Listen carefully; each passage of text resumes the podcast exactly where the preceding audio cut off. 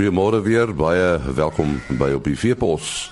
Ons praat oor die elektroniese monitering van kuddes en dan ook oor uh, afvalbestuur op plase.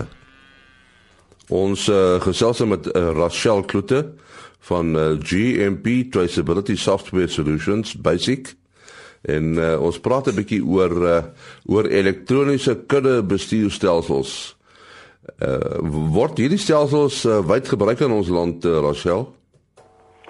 En nie op die oomblik is daar produsente wat dit van dit gebruik maak, maar ek dink dit is weens die koste aspek van die elektroniese oormerkertjies en die leestoerusting wat dit nie so algemeen gebruik word heidaglik nie.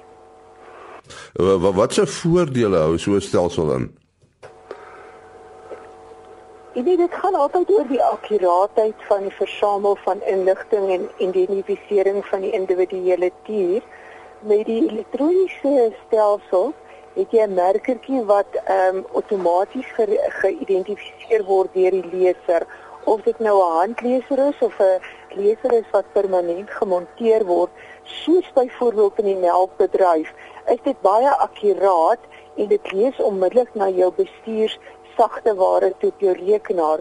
So jy skakel onmiddellik die menslike element uit waar daar foute kan insluit met die lees van nommers en die aanteken van nommers per hand.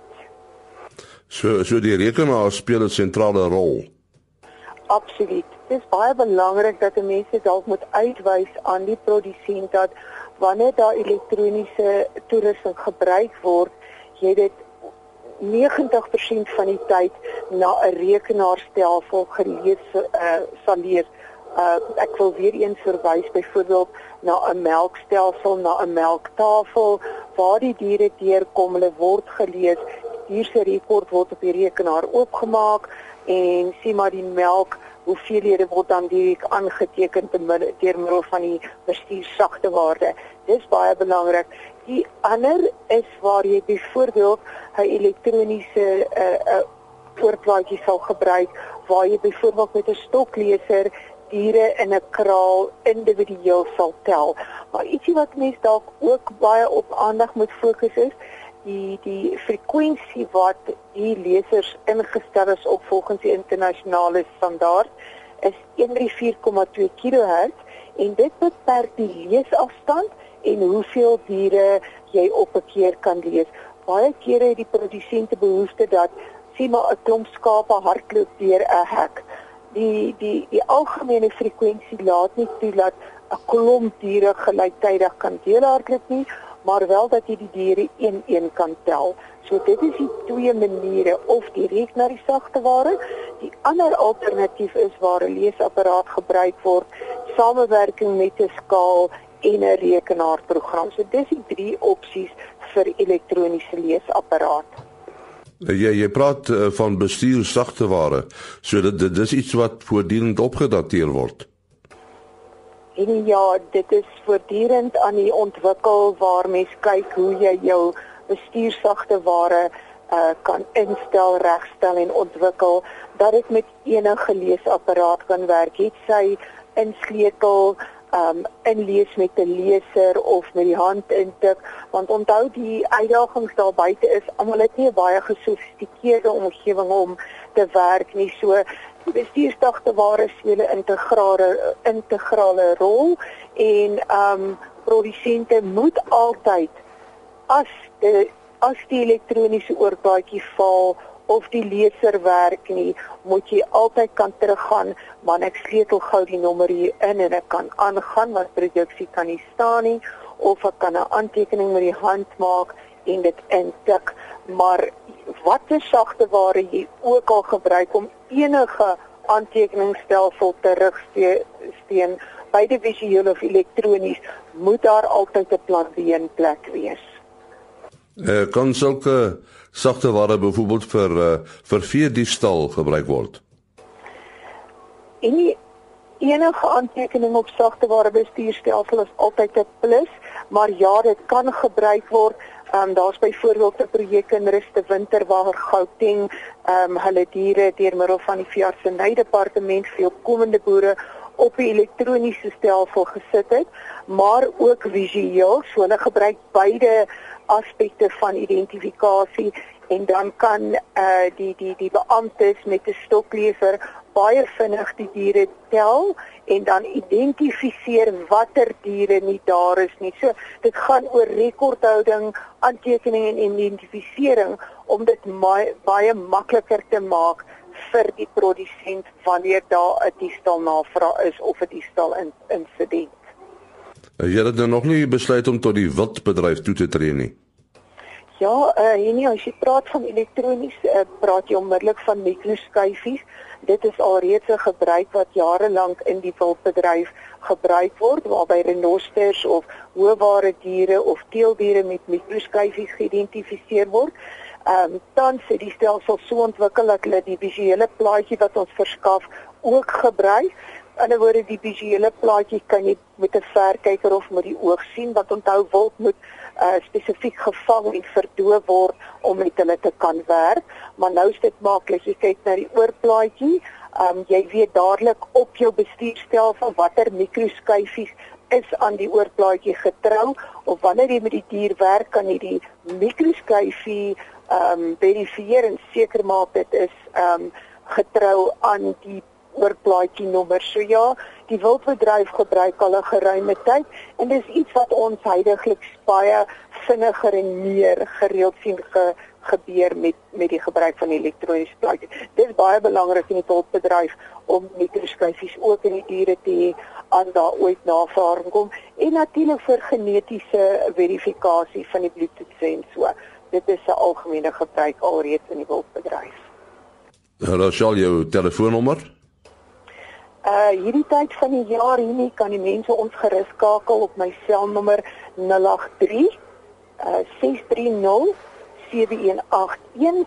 Aangesien dit Kersvakansie is, is ek maar die een wat beskikbaar is vir gesprekke, maar later in die in nuwe jaar is dit op 011 954 4971 en uh sterk dan ons produsente met die droogte daar buite en uh, ry veilig oor die feestyd en kom veilig en uitgerus terug in die nuwe jaar en dan vir jou ook dieselfde hê nie. Ja baie dankie aan Rachel Kloete van GMP Basics. Ons gaan uh, nou so 'n bietjie gesels oor uh, afvalbestuur en gifstowwe in uh, die landbou op plase. Ons praat met Dr. Gerard Verdoren van Afkasa daaroor. Uh doen die boere darm die regte ding wat afvalbestuur betref op plase dis daar uh, Gerard? Uh nee nee nie heeltemal korrek volgens die beginsels van Croplus Suid-Afrika en Afkasa nie. Ons is bekommer daaroor dat um, veral met die leedromme die regte prosedure nie gevolg word nie. Nou met die leeplas die dromme is regte prosedure. Die oomblik as jy drom leeg is, moet die drom drie keer gespoel word na mekaar met omtrent 'n kwart van die volume van die water en dan moet daai water oorgegiet word in die spuittank. As dit gedoen word en die drom word uitgedroog, word daai drom beskou as nie gevaarlike afval en mag vervoer word en mag verwerk word en daar is op ons webtuiste by Afkaas 'n hele lys van verwerkers wat die boere kan help om van die dromme weg te doen. Maar ons vind dat 'n groot persentasie van die boere hierdie goed drie keer spoel. Met ander woorde dan is daai dromme onbruikbaar vir her verwerking dit word eintlik dan as gevaarlike afval geklassifiseer. So wat pleidooi aan die boere is maak tog seker maak nie saak of dit jy of die plaaswerk is en dat daai drom wel drie keer gespoel word en die spoel wat oorgegiet word die spuittank en dat dit dan uitgedroog word en op die manier kan dit dan um, gegee word vir een van die verwerkers wat die goed kan vat en verwerk en ander plastiekprodukte daarvan vervaardig. So dit is die eerste probleem wat ons sien. Ehm um, die ander probleem is dat mense ontdek nou op die plase ou gister waar daar staan vir van toe tot tyd af selfs die sprinkaangif daar met ou arseen, ou linda en goed en ehm um, Ek dink op baie gevalle is mense desperaat. Ons het nie op hierdie stadium herwinningsskema daarvoor nie. So die beste gaan wees om kontak te maak 'n keer net te kyk in die lys van afkase op die webtuiste van ehm um, maatskappye wat gevaarlike afval bestuur en dan op 'n manier goed by uit te kry. Daar gaan wel 'n koste wees, maar dit is maar die beste metode om dit te swaar te raak. So so afkase as bereid om te help. Nee, kyk, ons het nie ons het nie die magtiging om enige ou produkte bymekaar te maak nie. Dit is die hele wet is verander vanaf die inwerkingstelle van die afvalbestuurswet. Mag jy nie sulke goed doen as jy nie 'n afvalbestuursplan wat die staat goedgekeur is nie. En ongelukkig het die staat nou nog nie ons plan goedgekeur nie. Dit is nou ek dink al 4 jaar later so ons mag nie ou produkte insamel en vernietig nie. So ons sit nou en wag om te kyk wat gaan gebeur met die staat se plan met hierdie nuwe ehm um, afvalbestuurbureau wat hulle in die gang sit en ons twyfel of dit ooit gaan werk, maar intussen is daar net een raad vir ou plaagte dit dit is dat die boer moet self van die goed ontslaa raak van die maatskappye wat wel seker produkte kan akkommodeer en vernietig. So daar is sulke maatskappye Ja, daar's uh, op ons lys is daar drie maatskappye, daar's Envirosurf, daar's iThermal en daar's ook Rapid Spill Response wat almal betrokke is by die bestuur van gevaarlike afval.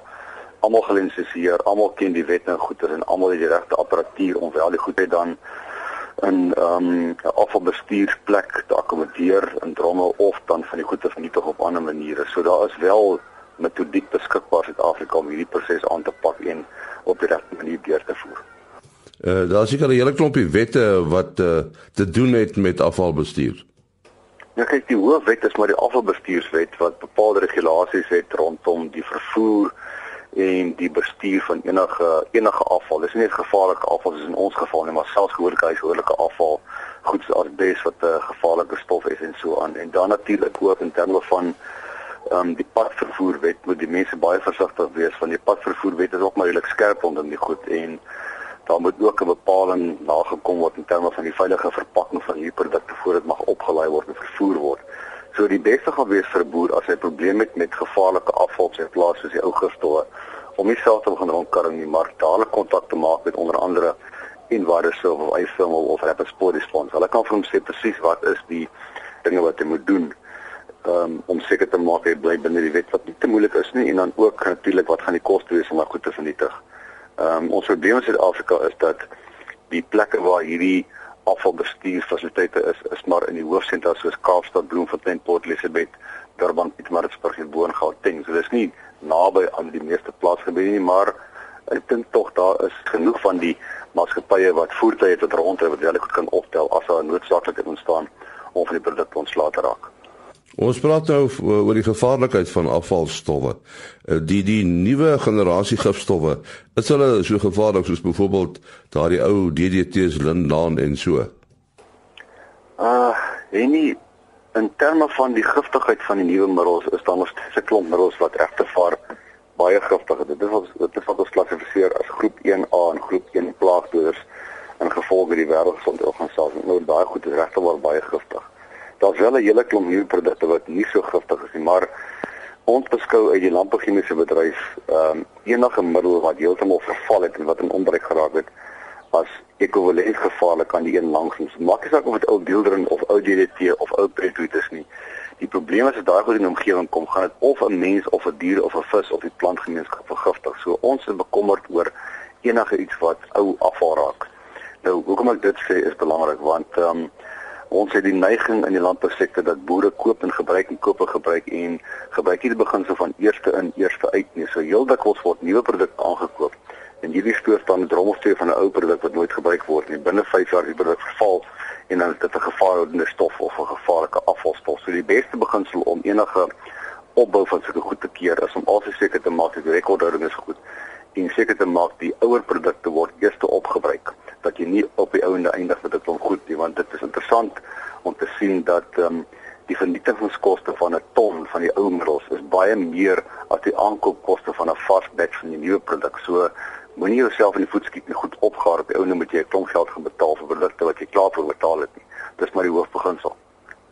En geld jou telefoonnommer 082 446 8946 en die webtuiste van Afkase vir al die data en inligting rondom die bestuur van gevaarlike afval en die leedromme is www.afcasa.co.za.